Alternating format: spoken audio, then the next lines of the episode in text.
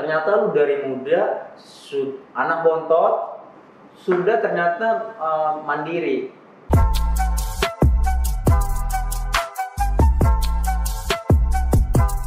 Oke, yo yo balik lagi masih dengan Mulyoto korban bullying.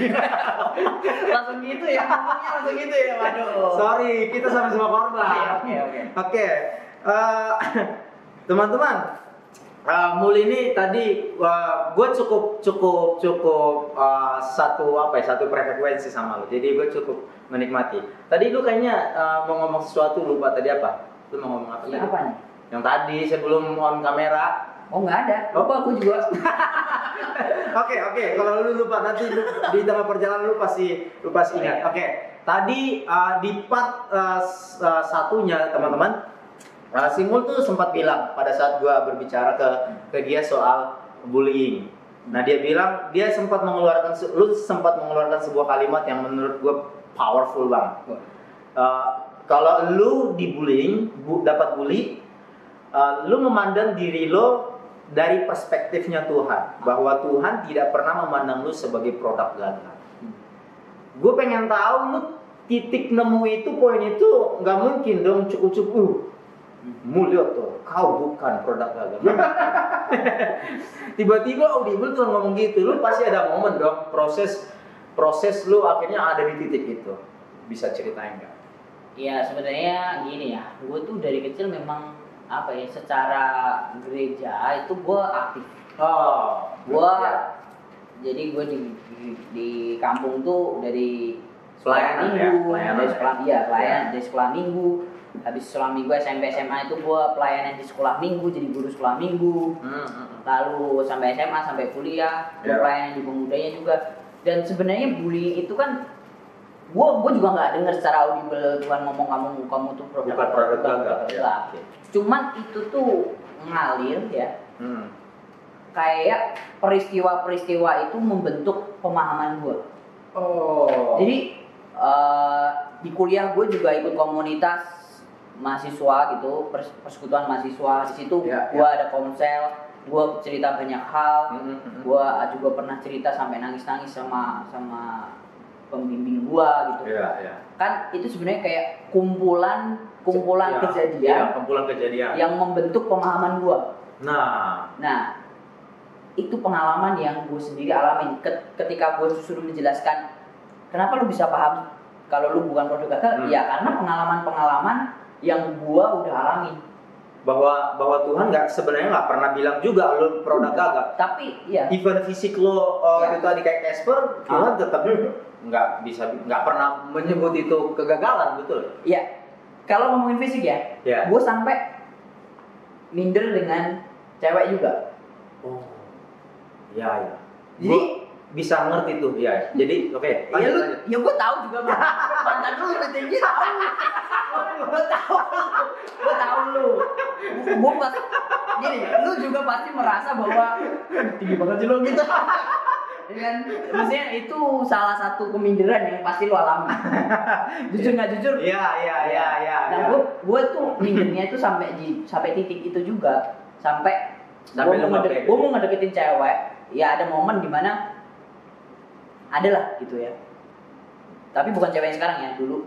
Gue mau mau ngedeketin aja nggak berani gitu Karena itu Bang. tadi. ya bahkan ngedoain aja nggak berani kan lebih banget kan lebih banget kan padahal Doni nggak denger ya. iya dia udah nggak dengar gitu terus setelah Sumpah itu. Parah kan? Sih itu. Iya, maksudnya itu itu keminderan karena fisik. Iya iya. Sampai gua nemu pasangan gue yang sekarang, puji Tuhan, gua langsung gue tegesin dari awal. Hmm, hmm, hmm. Kamu kamu tahu kan aku seperti ini. Iya. Sahut, gue tunjukin semua kekurangan gue, istilahnya gitu. Iya. Istilahnya lu lu me- me- me- me- apa ya? Melihat. Menelanjangin Iya. menelanjangin yang lu tutupin di, Iya. di, di dengan pasangan. Gue berharap bahwa ya lu lu harus tahu, lu harus kenal gua. Iya. Hmm, hmm. Nah, puji Tuhannya, gue dapat pasangan yang Iya. mengerti hal itu dan makin bahwa gue tuh ada penerimaan Hmm. selain penerimaan di keluarga ya Iya. selain penerimaan di keluarga dan Iya. teman-teman yang sering membuli gue Hmm. mereka juga cara menerimanya mungkin seperti itu Hmm. nah di, di pasangan gue juga menerima dengan gue merasa penerimaan itu Oke, luar biasa. Jadi uh, lu uh, akhirnya lu mene- menemukan bukan menemukan, lu tumpuk semua kisah-kisah itu dan uh, lu bertumbuh di dunia pelayanan akhirnya lu menemukan emang gua harus berkata bahwa gua bukan produk tegal. Yep. Nah, gua gua mau uh, berangkat ke ini, Bro. Bagaimana dengan keluarga? Uh, apakah lu pernah cerita atau mereka juga tahu uh, cerita-cerita ini di rumah atau di ruang tamu mungkin pernah cerita atau bagaimana? enggak sih jadi Enggak. keluarga gue itu bukan keluarga yang ah, nonton TV bareng terus Iya, maksud, iya, mak- gitu iya, enggak maksud gua oh, entah entah selentingan lu pas lagi jalan, oh lu udah oh, lu cerita ke nyokap atau ke kakak atau ke siapa, oh tadi temen gua ini nih gitu, maksud gua. enggak. Gue setiap kali menerima bulian dari dulu memang gue nggak pernah cerita ya jadi kayak gue merasa kayak di dulu gue merasa bahwa gue pantas dibully. Sam- sampai merasa seperti itu. Hmm. jadi kayak gue ngeceritain juga kayak Iya. nggak perlu gitu. Iya. sampai se spread itu gitu jadi gue kalau sama keluarga gue juga nggak terlalu cerita soal gue dibully ya Oh ya, berarti istilahnya mereka keluarga nggak tahu menahu lah ya soal soal bully bahwa lu adalah ya Oh, seperti itu Ya, oke. Oke, baik. Tapi meskipun keluarga nggak tahu, gue juga pengen tahu nih, Mul. Teman-teman di rumah juga pasti bisa belajar ya, bisa belajar dari uh, su- su- suara dari Mul. Nah, uh, ini kembali lagi nih so- soal bocoran. Uh, well, Mul kan sekarang kerja. hmm. Uh, lu berapa sih?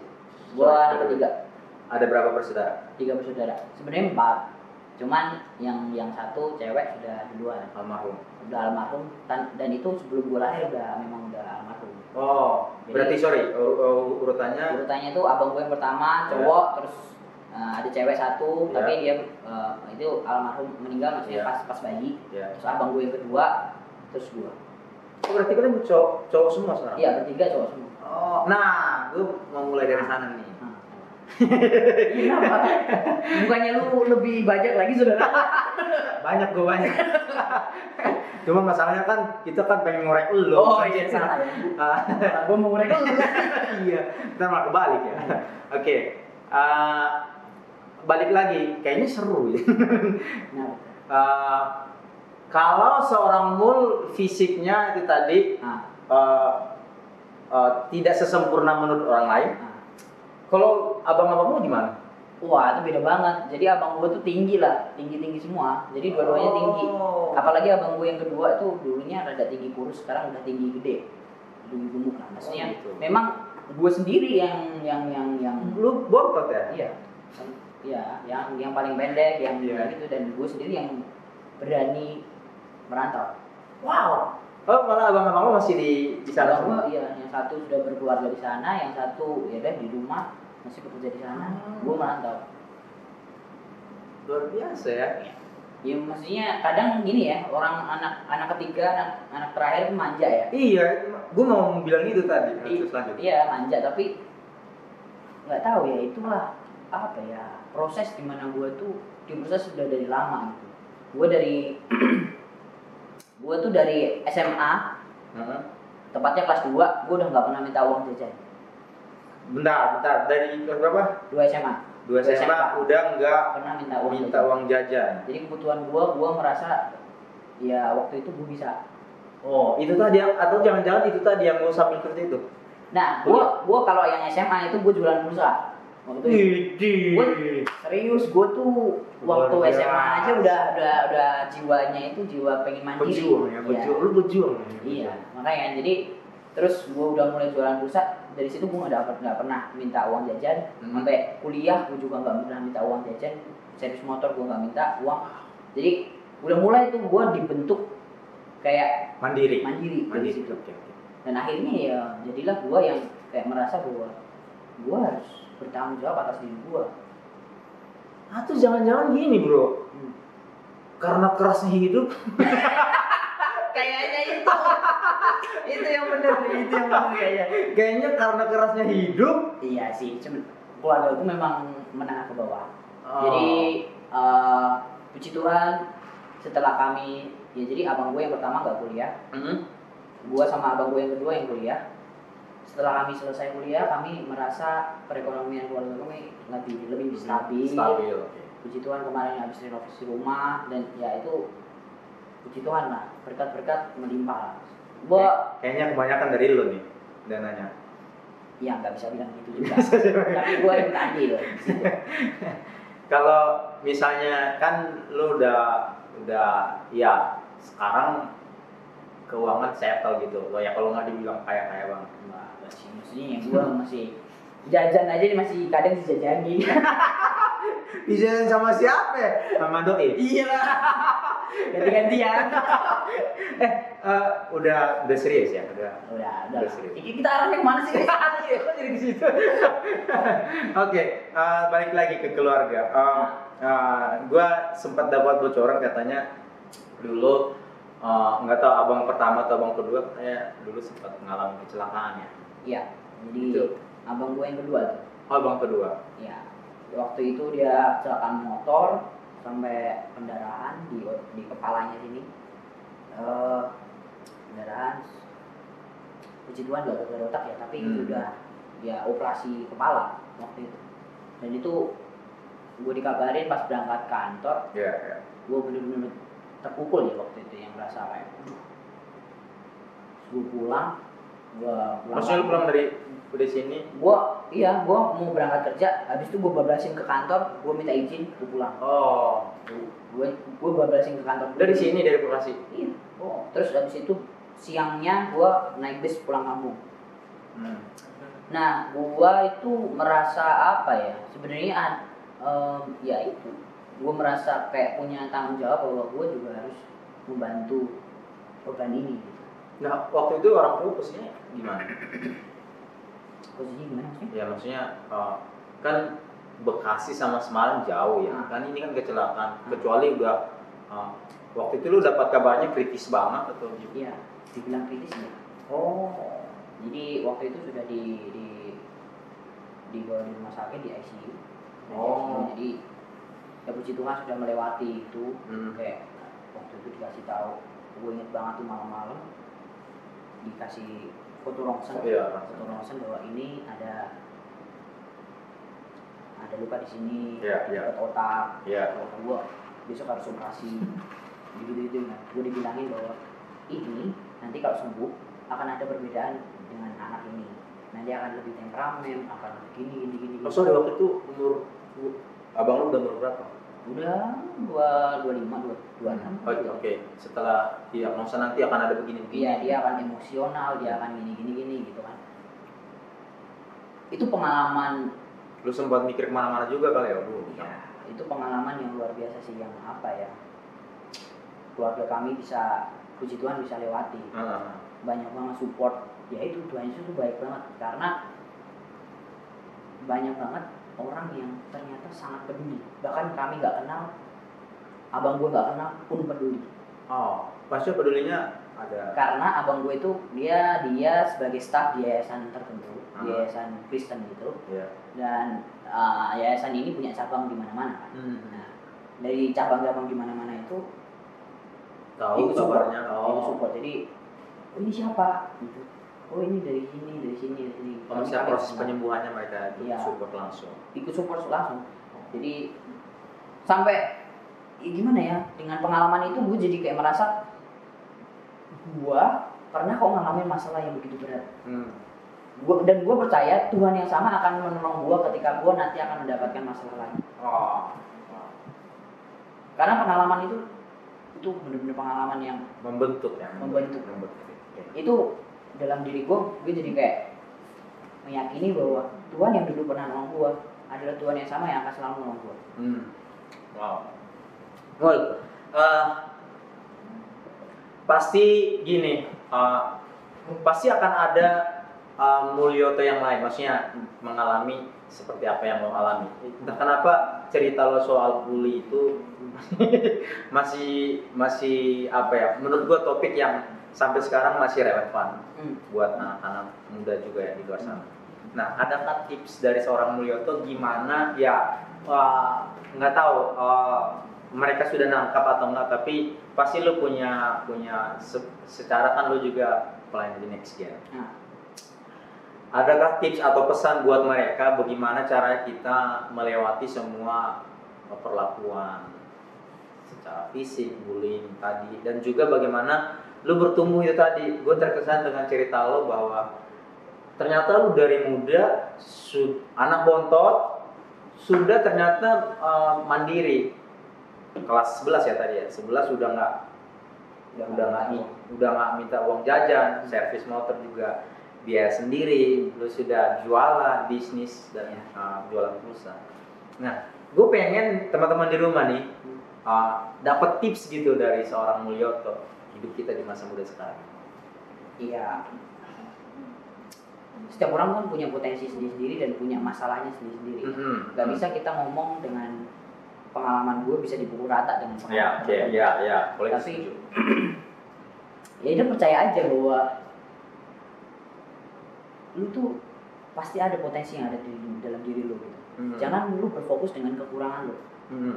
Justru ketika lu fokus dengan kekurangan lu, lu akan cuman di posisi itu aja, akan semakin terpuruk. ya Kalau lu fokus dengan hal positif lu, Hmm. kekurangan lu itu malah makin nggak terlihat. oh ketika kita fokus sama kekurangan kita Hmm. malah Makin kita terpuruk, Oh, kita, makin- oke. iya kita makin di situ-situ aja. ya betul betul Lu nggak moving forward. iya iya betul betul Tapi ketika lu tahu soal kekurangan lu dan lu oke, ini kekurangan gua. Oke, mereka membuli gua dengan kekurangan gua. ya ya So, apa yang lu mau harus lakuin? Lu lakuin adalah lu kembangin yang menjadi positif lu. Karena ketika lu berhasil mengembangkan positif lu itu, kekurangan lu tuh ya itu nggak akan terlihat gitu. Iya. Orang nggak pasti melihat, wah mul nih gitu. Drummer nih, misalnya gue drummer ya, bukan bukan nanti sombong ya enggak ya. Tapi Iya. maksudnya yang dilihat tuh karena karena prestasi lu, Iya. yang dilihat tuh karena apa yang lu kerjain, apa yang lu hasilin. ya Banyak orang seperti itu. Nah, tapi ya yang yang yang perlu digarisbawahi jangan punya motivasi yang salah aja. ya Kita pun harus murni tetap harus tetap menjaga kemurniannya. Iya. Oke, Mul, gue tahu bahwa seorang Mulyoto itu bukan cuman bukan cuman uh, lu punya impact waktu lu di panggung. Gue gue tahu. Lu juga punya impact di tempat lain kayak misalnya di kom- konser kecil, GC, di di apa di LG, LG, Iya. LG. Uh, katanya lu juga pernah sharing uh, maksudnya kan ya bu- ya gua gua ber, gua berkesimpulan karena memang ternyata seorang Mulyoto tuh dari kecil karena memang sudah akrab dengan dunia pelayanan Hmm. Alkitab punya pembina. Ternyata juga tadi lu bilang kan di part uh, pertama lu bilang lu ada pembina sampai lu cerita. Itu pasti sangat membentuk seorang Mulyoto pada uh, hingga sekarang. Dan teman-teman di GC lo Hmm. bilang bahwa lu ketika lu sharing juga uh, mereka diberkati dengan cerita lu bahwa uh, lu menang. Lu bisa uh, lu bisa melewati semua bully dan juga masalah-masalah hidup lu yang akhirnya mereka bisa contoh nah uh, seperti yang lu bilang tadi semua ma- semua anak-anak next gen atau anak-anak muda di, di tempat lain mempunyai kesulitan masing-masing potensi masing-masing dan percaya aja lu bilang tadi Nah, Mul, sebagai penutup nih Mul, Hmm. uh, untuk ke depannya kita ngomongin masa depan. Sebagai penutup, Oke. sebagai penutup. Uh, apa yang lo alami sekarang tuh uh, masih, bukan masih, uh, yang lo alami dulu itu sebagai bisa membuat lo semakin dewasa. Nah, itu berpengaruh nggak sama uh, sekarang lo bangun hubungan sama doi? Pengaruh. Pengaruh. Ini berarti ngomongin doi nih. Ya, oh iya, sepintas saja, sepintas Oh, saja, sepintas saja. Itu pengaruh sih. Jadi dengan apa ya yang gua alamin itu kan gua jadi kebentuk bahwa cara pandang untuk me- memilih pasangan itu seperti apa. Iya, itu maksud gua. Ya. Nah, dari pengalaman-pengalaman gua, dari dari diskusi gua, konser gua yang udah dulu gua eh, apa namanya lalui, ya cara pandang gua memilih pasangan harus mempunyai kriteria-kriteria tertentu. Hmm. Ya di mana ya yang, yang dulu tuh gua ma gua masih ingat banget. ya. Jadi kriteria gua yang penting itu eh, harus sayang sama keluarga. Iya. karena gini itu pengalaman ya ini topik baru lagi. Jadi keluarga gua tuh mae lah. Ma- jadi nyokap gua gua, gua kalau ny- nyebut nyokap gua tuh mae ya. Ya. mae gua itu, Itu biasa di sana emang kebanyakan gitu. Iya, ya, mae. Atau boe tapi Iya, kalau gua mae. Nah Iya. mae itu pernah merasa sedih gitu ya. Merasa sedih. Eh, waktu itu gua putus sama mantan gua terus mae bilang nanti cari yang pasangan yang kemati ya kemati itu dalam bahasa Indonesia yang sayang Oh. yang yang yang peduli sayang sama keluarga nah gitu itu dari situ gue langsung jep oh ini poin gue harus cari pasangan yang mati Gemati.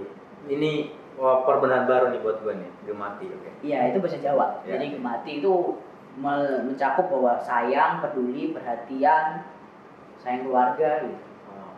nah gitu nah cara pandang gue ya dibentuk dari situ dari Mae ngomong kayak gitu Hmm. dari komsel gue dikasih tahu harus seiman harus ini Iya. Nah, itu membentuk gua yang melihat pasangan itu seperti itu. Wow. Mulyoto, thank you buat suaranya. Nah, eh, balik lagi ke deklarasi lo bahwa gue bukan produk gagal. Oke. Buat teman-teman di rumah, eh, itu tadi eh, pasti ada korban-korban bully. Nah, tips bukan tips ya lah ya, bilangnya kan di masa pandemi ini kan kita untuk ketemu ngobrol itu udah udah jarang gitu. Lu pernah nga- ngalamin juga bullying via via medsos? Pernah nggak? Enggak sih. Nggak ada ya? Paling ya dimunculin foto-foto lama doang. foto-foto lama gua yang yang yang itu. Paling itu doang. Itu doang ya? Nggak Oh, berarti nggak kalau lewat medsos kurang nggak kayaknya nggak nggak nggak dapat juga itunya ya. Ya paling itu doang di foto, munculin foto lama. Ini lu dulu gini amat sih. Gitu doang paling. ya karena Ya. ya ya Nggak, eh, di musik kan gue ngeliat lu juga dengan teman-teman yang lain drama-drama lain juga kan menurut gue lu cair juga. Jadi enggak juga sebenarnya. enggak juga ya? Ah. apa gue salah itu ya? Eh, sebenarnya itu awal-awal gue pas dulu sama Paul ya. Kalau kalau kenal dulu ada basis namanya Paul. Ya. Paul sama Ciana nih. Kalau Ciana sama Paul nonton ya. Dulu tuh awal-awal sering kalau ketika latihan hari Kamis Ya. kami selesai latihan itu pasti makan bareng dan kami di situ mengutarakan masalahnya di situ wah ini musik tuh gini gini gini ya kami bergumam sendiri bertiga Mama, apa ya? Iya satu satu Satu geng ya. Satu geng mengomentarin Si- di, di musik itu kok gini ya, kok gini ya, gitu ya. Dan pada akhirnya ya gue tetap tetap aja mengerjakan pelayanan itu kan buat Tuhan, bukan, Iya. bukan dari nah iya dari pandangan orang. Makanya gue masih tetap stay, gue masih menikmati pelayanan gue. Ya gitu teman-teman, kalau ikut latihan terus merasa di mana lu kayak mungkin rada-rada ditolak atau Iya. rada-rada nggak sefrekuensi, Iya. bukan rasa lu kok jago-jago ya gue kok cukup banget ya ya gue ngalamin itu dan gue sharing bertiga terus Ciana gue sama Paul Iya. wah mereka gini kayaknya kalau kita nggak punya apa-apa kayaknya kayak kita nggak dianggap ya gini-gini nah, kita ngobrolin seperti itu Ya. tapi tapi yang gue lihat yang gue lihat ya itu tadi karena kenapa gue akhirnya menyimpulkan seorang Mulyoto adalah seorang yang tangguh dan pejuang. Ya. Dan akhirnya lu sekarang ada di mo bu, bukan ya istilahnya lu udah ada di level yang berbeda gitu loh. Lu bisa melewati semua dan sekarang Mulyoto ya seperti konsep lu yang udah lama gue pelayanan hanya untuk Tuhan. Hmm. bodoh amat dengan bullying bodoh amat dengan yang itu tadi yang lu bilang kayaknya gue nggak satu satu signal sama mereka. Tapi lu tetap maju. Dan terbukti uh, gue secara pribadi melihat ada progres dari seorang mulia. Dan overall terima kasih buat suara yang sudah lo bisa tumpahkan di podcast thank you ini thank you. Thank you dan sampai jumpa di kalau ada kesempatan oke thank you bro thank you bro Oke, teman-teman, terima kasih sudah menonton. Jangan lupa di like dan juga di subscribe karena siapa tahu dengan cerita Surah Mulyoto bisa memberkati teman-teman kita yang lain. Sampai jumpa di episode selanjutnya. Bye bye.